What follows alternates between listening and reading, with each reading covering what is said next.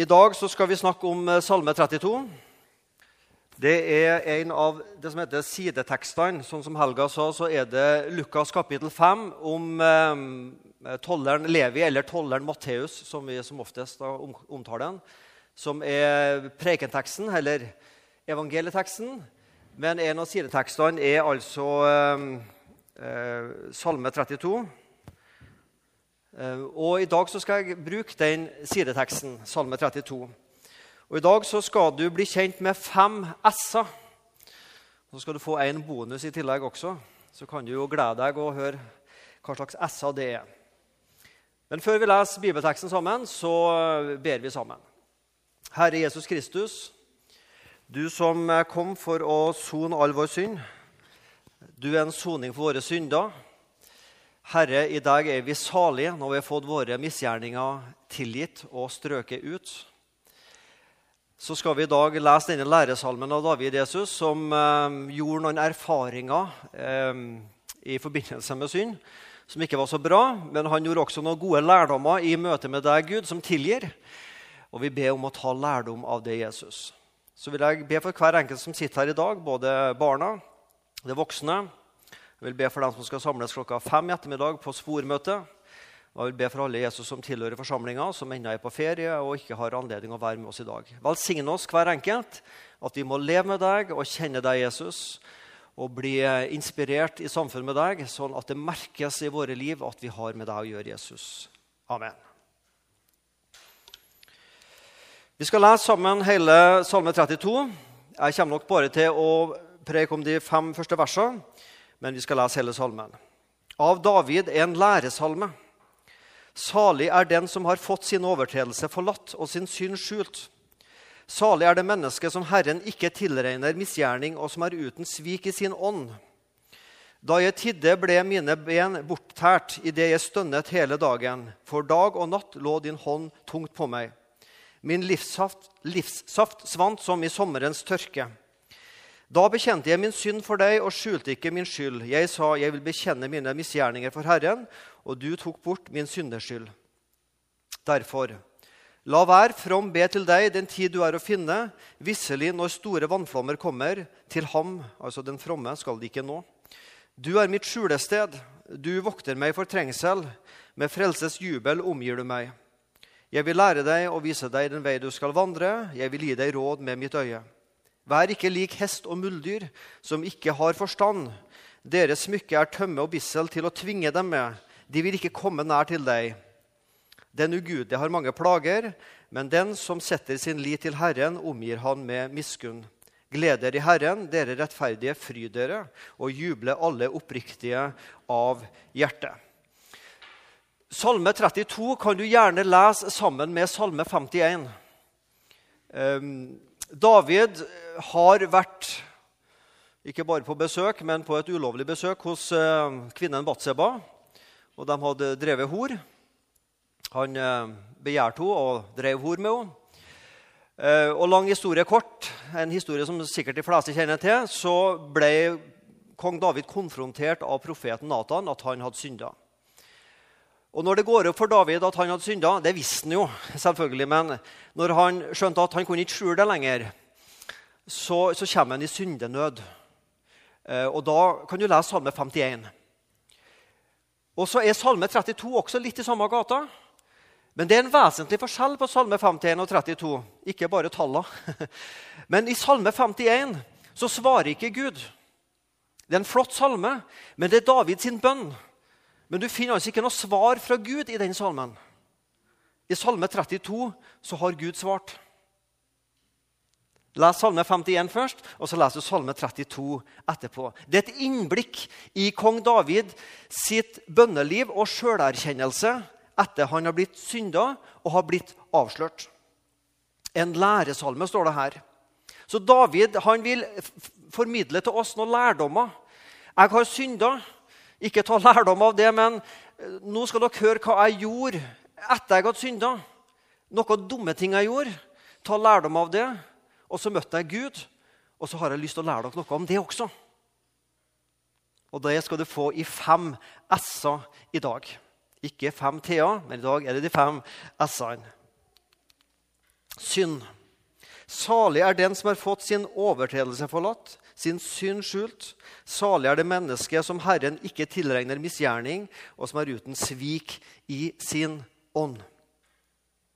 Salme 51, da er det brudd på det femte og sjette bud. Ikke driv hor og ikke drepe. Salme 32 derimot, den, liksom, den kan vi bruke på alle syndene. Det kan du sikkert med Salme 51 men Salme 32 liksom passer til alle synder og situasjoner. Det er en salme for alminnelige synder og for alminnelige syndere. Og der hører du og jeg hjemme. Overtredelse forlatt. Å trå over ei grense, en lov. Gud har satt en grense i Bibelen. Gud har satt en grense for Adam og Eva. Så spis hva dere vil. Bare disse to trærne sånn og sånn i hagen. Ikke spis av dem. Og så blir man veldig opptatt av det som ikke er lov, og så bryter man de grensene. Det står noen grenser i Bibelen om hva som er lov og ikke lov. Kanskje vi kristne ikke først og fremst bevisst tråkker over grensa. Altså, det som jeg av og til sier, jeg, jeg, tråkker, jeg går aldri over grenser, jeg bare pusher foran meg. ikke sant? Vi har kanskje en tendens til å, å, strekke strikken litt og pushe grensene litt. Og si at ja, det, det er nok innenfor grensa jeg, jeg, synder nok ikke mot Gud hvis jeg bare gjør det sånn. Eh, og hvis det synder, så, så fins det jo heldigvis redning. Og det gjør det jo. Men overtredelse tråkke over noen grenser, eller at vi lever veldig nær opp til grensene. Hvor langt kan jeg gå bort fra Jesus og, og liksom fortsatt være en kristen? Husker Det var liksom når jeg var i ungdommen. Hvor langt kan jeg liksom gå bort fra korset og liksom fortsatt være en kristen? Og Det tror ikke jeg bare handler om da vi var ungdommer, men i voksen og eldre alder også. Pusher vi grenser, lever vi på, på grensen av grensene og er nær ved å tråkke over. Det får vi svar på for vår egen del. Og sin synd skjult. Synd. Ordet for synd det betyr å bomme på målet. Når en fotballspiller det er straffe, og, en, eh, og man skyter og man bommer på målet Å, det var synd, sier vi. Iallfall hvis du holder med det laget. Og, og Det er egentlig et godt bilde, for synd er å bomme på målet. Gud har satt noen mål for ditt og mitt liv, og når vi bommer på det, så synder vi. Synd er når jeg sjøl bestemmer mine egne mål for mitt liv. Jeg er et selvstendig menneske, autonomt menneske. Jeg bestemmer sjøl. Jeg vil ikke at andre skal blande seg inn. Og det som jeg bestemmer for meg, det er rett for meg.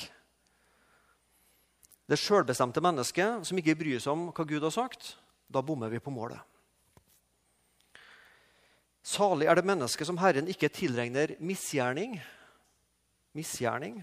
Ja, Det ligger jo litt i ordet. Dårlig, ond gjerning. En urettferdig, en ond handling. Og som er uten svik i sin ånd. Svik, ikke holde ord. Ikke ville klare å leve etter Guds vilje. Da overtredelse, synd, misgjerning, svik, da står vi i skyld. Da står vi i skyld resultatet av synda i Guds øyne er å stå i gjeld. Synd det er et totalbegrep. Og Vi blir så opptatt av at enkeltting ikke stjel, ikke lyg, ikke ta, ikke sånn og sånn. Det er synd. Ja, det sier jo Bibelen. Men synd er først og fremst i Bibelen et totalbegrep. Altså, mitt problem er ikke at jeg gjør enkeltsynder, men mitt hovedproblem er at jeg er en synder. Vi havner fort i den tankegangen at når jeg har gjort mange nok enkeltsynder, så blir jeg en synder. Men det er motsatt. Fordi jeg er en synder, så gjør jeg synder. Altså, Synder er ikke noe vi blir hvis vi gjør mange nok gale ting. i forhold til gode ting. Men vi gjør gale ting fordi vi er syndere. Et totalbegrep. Hva er det det står i Kirkens synsbekjennelse? For å bruke den veldig gamle versjonen Se i nåde til meg, arme, syndige, skrøpelige menneske. Jeg vet ikke om du tenker på deg sjøl som det når du står opp og kikker deg i speilet om morgenen, men Se i nåde til meg, arme, syndige, skrøpelige menneske, som har krenket deg med tanker, ord og gjerning, og kjenner lysten til det onde i mitt hjerte. Ja, det, det er noe som på en måte totalt tar oss. Synd fører til fortapelse, og jeg er fortapt fordi jeg er en synder. Jeg er en synder, men nå i Kristus så har det heldigvis skjedd noe. Nå er jeg blitt en tilgitt synder, en frelst synder. Jeg er ren og jeg er rettferdig, og du og jeg er himmelen verdig i Jesus Kristus. Jo da, David hadde erfaring med synd. Og Den første erfaringa han vil dele med oss, det er hva som skjedde da han prøvde å skjule synder. Det er S nummer to å skjule. Da jeg tidde, ble mine ben bortherret idet jeg stønnet hele dagen. For dag og natt lå din hånd tungt på meg. Min livssaft svant som i sommerens tørke. Da jeg tidde. For David ble avslørt av profeten Natan. Og du og jeg, når vi synder, blir avslørt kanskje ikke av andre mennesker, men i alle fall av Guds ord og vår samvittighet. Og Det som da er interessant, det er at da setter jeg i gang noen prosesser inni oss. Noen reaksjonsmønster når jeg blir avslørt i min synd. For da er det helt naturlig som menneske å begynne å bortforklare synder. Vi psykologiserer det gjerne bort. 'Ja, men jeg hadde en dårlig dag, og jeg, jeg var så trøtt og sliten.' og sånn og sånn. Vi rasjonaliserer og bortforklarer, sånn som Adam gjorde. Jo, men kjære, gode Gud, det var jo kvinnen som du ga meg. Man skylder på andre, man bagatelliserer. Vi bekjenner gjerne de små syndene hvis vi har gjort en stor synd. Ja, For å komme litt sånn Gud i møte, så bekjenner vi de små syndene. har du prøvd deg på den? Eller kanskje vi prøver å balansere. Altså, jo, Jeg er klar over syndene, men på vippevekta så prøver jeg å legge på litt gode ting, sånn at jeg får litt balanse. For noen dager siden så satt eh, en av våre barn og meg og kikka på filmen om Luther. Det er en eh, film som du gjerne skulle ha sett. Uh, ja, og Martin Luther sin reformasjon. Og, og, og, I den tida så var dette veldig sterkt. Folk var jo klar over synd. Og folk var klar over skjærsild og fortapelse og alle disse tinga. Altså, skjærsild tror jo ikke på, da, men, men dette sto veldig sterkt i folket. Og man var klar over at man var fortapt. Men for å balansere dette her, så måtte man gjøre en del gode ting. Luther reiste til Roma, kjøpte seg avlatsbrev, betalte litt for å få kutte, kutte, ut en del år på skjærsilden.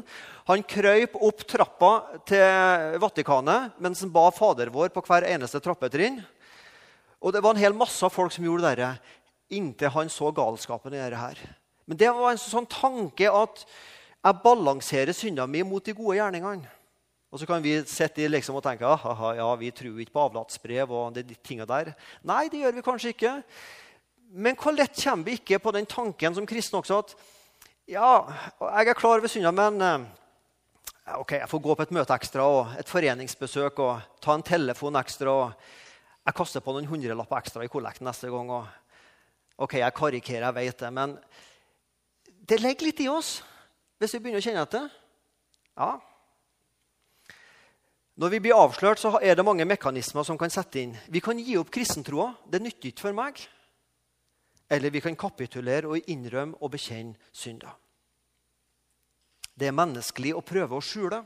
Adam og Eva skjula seg for Gud. David prøvde å skjule synda si. Og når mennesket prøver å skjule noe, så hva er det som skjer med oss da? Jo, vi blir stille. Når det er noe gale, så blir det stilt. Av og til sa vi når ungene var små, når det blir stilt fra barnerommet, da er det noe galt på ferde.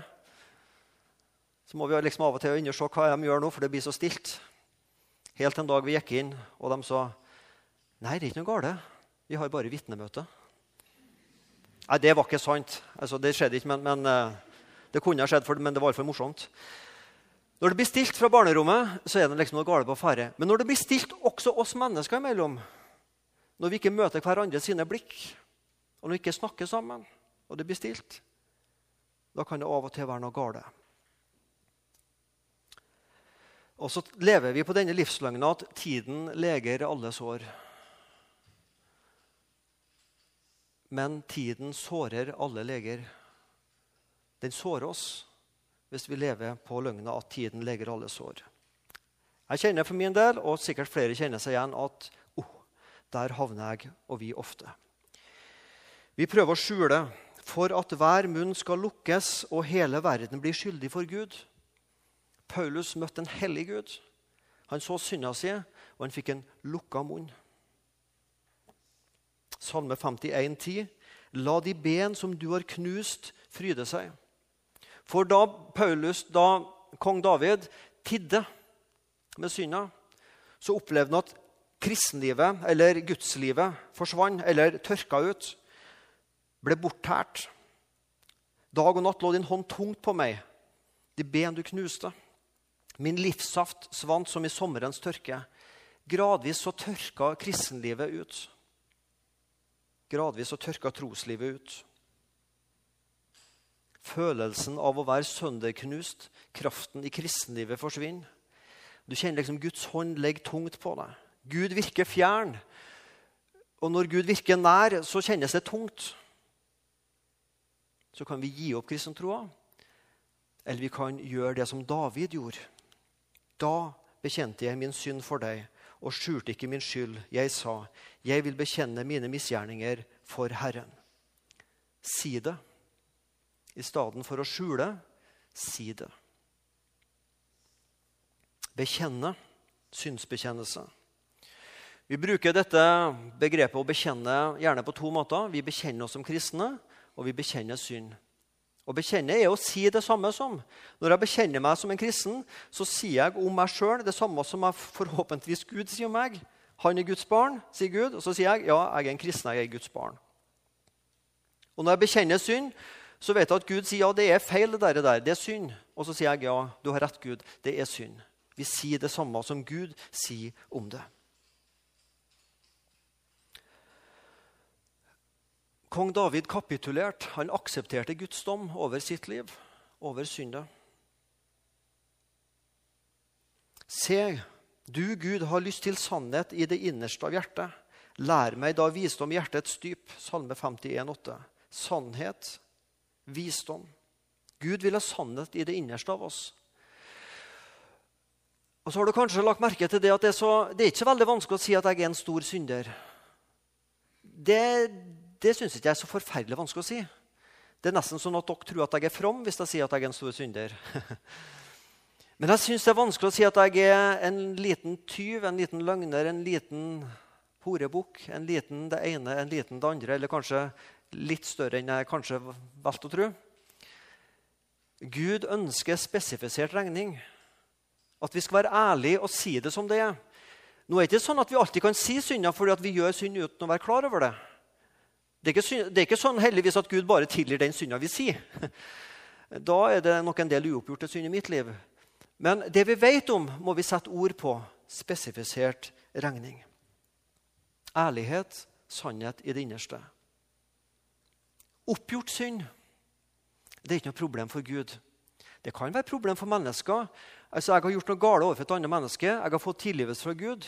Men fortsatt så kan det jo være noe i forhold til det andre mennesket som jeg må gjøre opp. Men, men, men for Gud så er oppgjort synd ferdig. Men uoppgjort synd er farlig. For da må jeg bære straffen for det sjøl. Synd, skjule det, nei, si det. Og hvorfor kan vi si det som kristne? Jo, for det fins soning. Og du tok bort min syndeskyld. Salme 32, 5. Og du tok bort min syndeskyld. Hvorfor kan Gud tilgi oss? Hvorfor, Gud, hvorfor har Gud um, forsona oss? Hva er det som må til? Hebreerne 9,22.: Uten at blod blir utgitt, blir ikke synd tilgitt. Men nå er heldigvis blod utgitt. Ikke bare årlig som årlige offer i tempelet, men nå er Jesu blod utgitt én gang for alle, for all tid, for alle mennesker og for all synd. Blod er utgitt i Jesus Kristus på korset. og Derfor er soninga skjedd. Og Derfor kan vi ha frimodighet som kristne og komme til Gud med vår synd. Fordi Jesus har sona den. Elskede, sier Johannes i 1. Johannes 2, 1-2. Dette skriver jeg til dere for at dere ikke skal synde.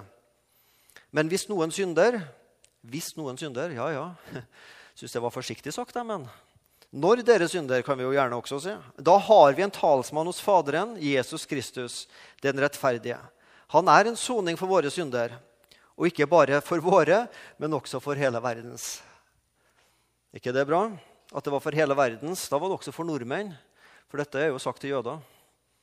Takk og lov at det ikke bare var for jødene, men også for hele verdens, også for nordmenn.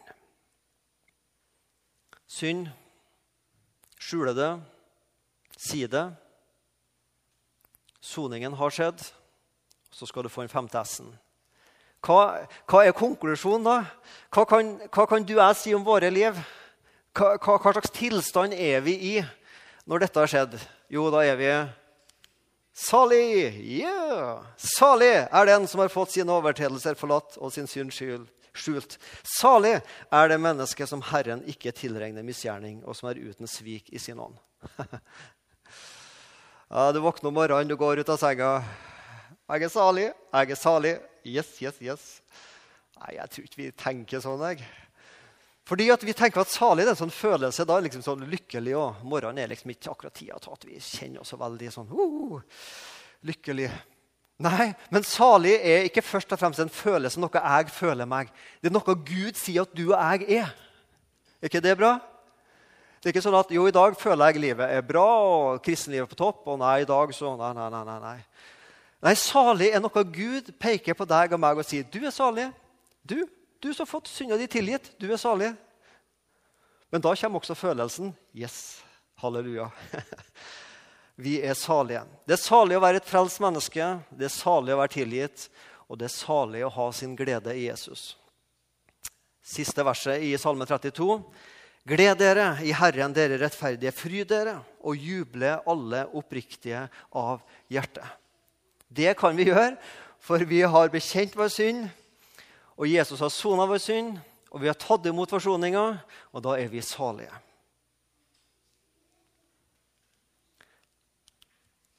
Jeg vil lære deg og vise deg den vei du skal vandre. Jeg vil gi deg råd med mitt øye. Det er ikke David som sier men det er Gud som sier det. Altså Midt i denne salme 32 så kommer det inn et vers der Gud snakker. Jeg, altså Gud, vil lære deg og vise deg den vei du skal vandre. Jeg, Gud, vil gi deg råd med mitt øye. En læresalme. Hva er det David lærte gjennom denne erfaringen med Batseba? og Tok livet av Uria, prøvde å skjule synd, ble avslørt, tok imot tilgivelse. Hva lærte han? Jo, han lærte å bekjenne synd. Lære å ta imot tilgivelse. Så tenker vi at det er jo enkelt, det er jo bare å si ja til Jesus. Ja. Men vi må også lære at når vi tar imot tilgivelse, at det er, det er bare troa på Jesus som frelser oss. Det er ikke troa på Jesus og litt tjeneste i misjon og litt oppgaver og litt annet i tillegg. Men, men, det, men det, er bare Jesus, altså. Sånn at alt det gode vi ellers kan gjøre, det hjelper ikke på. Ikke et gram engang. Det er bare Jesus som kan tilgi oss. Og så handler det også om å lære å fortelle andre om Jesus. Og da skal du få en ST som bonus. Og det er selskap. Ordet selskap. For som jeg sa, dagens prekentekst eller evangelietekst det er Lukas 5, 27-32 om tolleren Levi, eller Matteus, som vi helst kjenner. Han lærte også noe denne dagen han lærte for det første å følge Jesus. Han ble en kristen. Han ble tilgitt. Han ble frelst. Han ble salig. Han fikk sine synder tilgitt. Matteus lærte å følge Jesu befaling 'følg meg'. Han forlot alt, sto opp og fulgte Jesus, står det.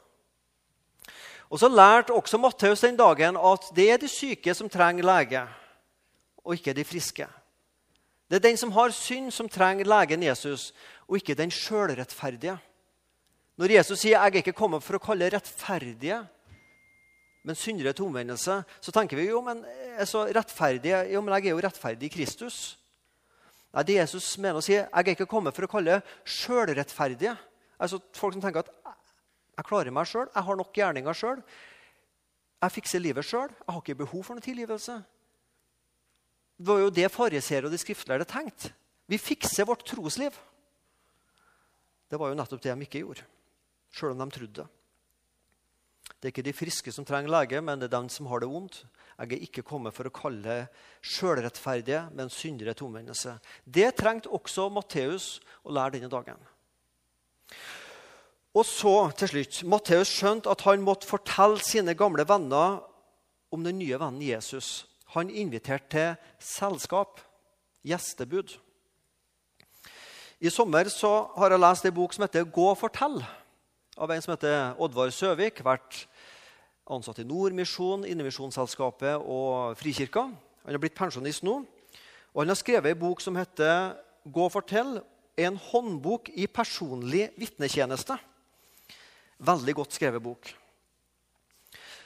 Og han skriver om seks ulike måter vi kan vitne på. Og Jeg har ikke tenkt å gå gjennom alle de seks nå. Men jeg skal ta selskapsmåten. For han skriver om at Matteus, eller Levi, da, han benytta seg av selskapsmåten. Han inviterte sine gamle venner til å møte Jesus og hans disipler. Det fins noe som heter tjenestemåten, ved å gjøre gode gjerninger, altså gi praktisk hjelp til andre mennesker. Invitasjonsmåten, slik som Andreas inviterte sin bror Peter. Det personlige vitnesbyrdmåten. Den intellektuelle måten der man diskuterer tro og tanke og kristen tro den konfronterende måten der man peker på andre sine svakheter og synder. Mer sånn vekkelsespredikantstil. Og Så skriver Søvik om det han kaller selskapsmåten.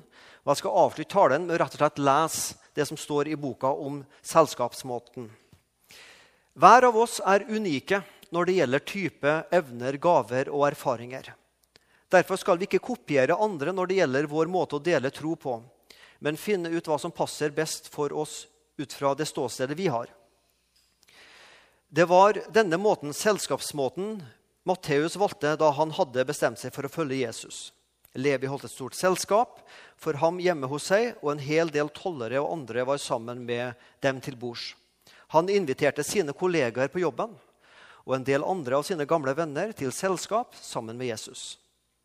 Tar jeg ikke mye feil, organiserte han det slik at hans venner fikk sitte skulder til skulder med Jesus og hans disipler. Jeg tror ikke at de gamle vennene satt i en ende av bordet og disiplene i den andre. Nei, På den måten fikk Matteus for det første bekjenne at han nå hadde begynt å følge Jesus. Dernest fikk vennene en sjanse til å møte mesteren. Jesus møtte dem med vennlighet, og jeg er sikker på at han selv koste seg sammen med dem. Vennskap er et mål i seg selv. Det kan i sin tur åpne opp for å dele evangeliet, slik som det også skjedde her. Denne måten å vitne på passer godt for nyfrelste, det er mange muligheter til å invitere til selskap, fødselsdagsfeiringer, vårfest, hagefest, grillparty, juleselskap og så mer. Dermed kan det bygges gode relasjoner mellom kristne og ikke-kristne i en trygg ramme som ikke oppleves truende for de kirkefremmede. Nyfrelste har dessuten den fordelen at de har mange ikke-kristne venner som de kan være vitne for. Første skritt kan også være å invitere dem sammen med kristne. Ja, en måte å vitne på. Og de aller fleste av oss som sitter her, vi er ikke nyfrelste, vi er langtidskristne. Vært det hele livet, eller iallfall ganske mange år. Såpass godt kjenner jeg dere. Men også oss som har vært langtidskristne, la oss benytte oss av denne måten. Invitere våre kollegaer vi jobber sammen med, naboer, ikke-kristne familie, venner, sammen med noen fra forsamlinga. Bli kjent med. Kanskje det kan være en måte for dine ikke-kristne naboer, venner, kollegaer, familie å bli kjent med noen kristne. Selskapsmåten. Synd. Skjule det. Nei, nei, nei. Si det. Ja. For Jesus har sona for synda. Da er vi salige, og da kan vi invitere andre mennesker til et selskap med Jesus. Herre Jesus Kristus, vi takker deg for at du kalte Matteus og han har gitt oss til og med et evangelium. Takk for han eh, ble så tent av deg, Jesus, at han inviterte sine tollerkollegaer til å møte deg. Og så må du tilgi meg alle de sjansene jeg har latt være å bruke til å la noen ikke-kristne som jeg kjenner, bli kjent med deg.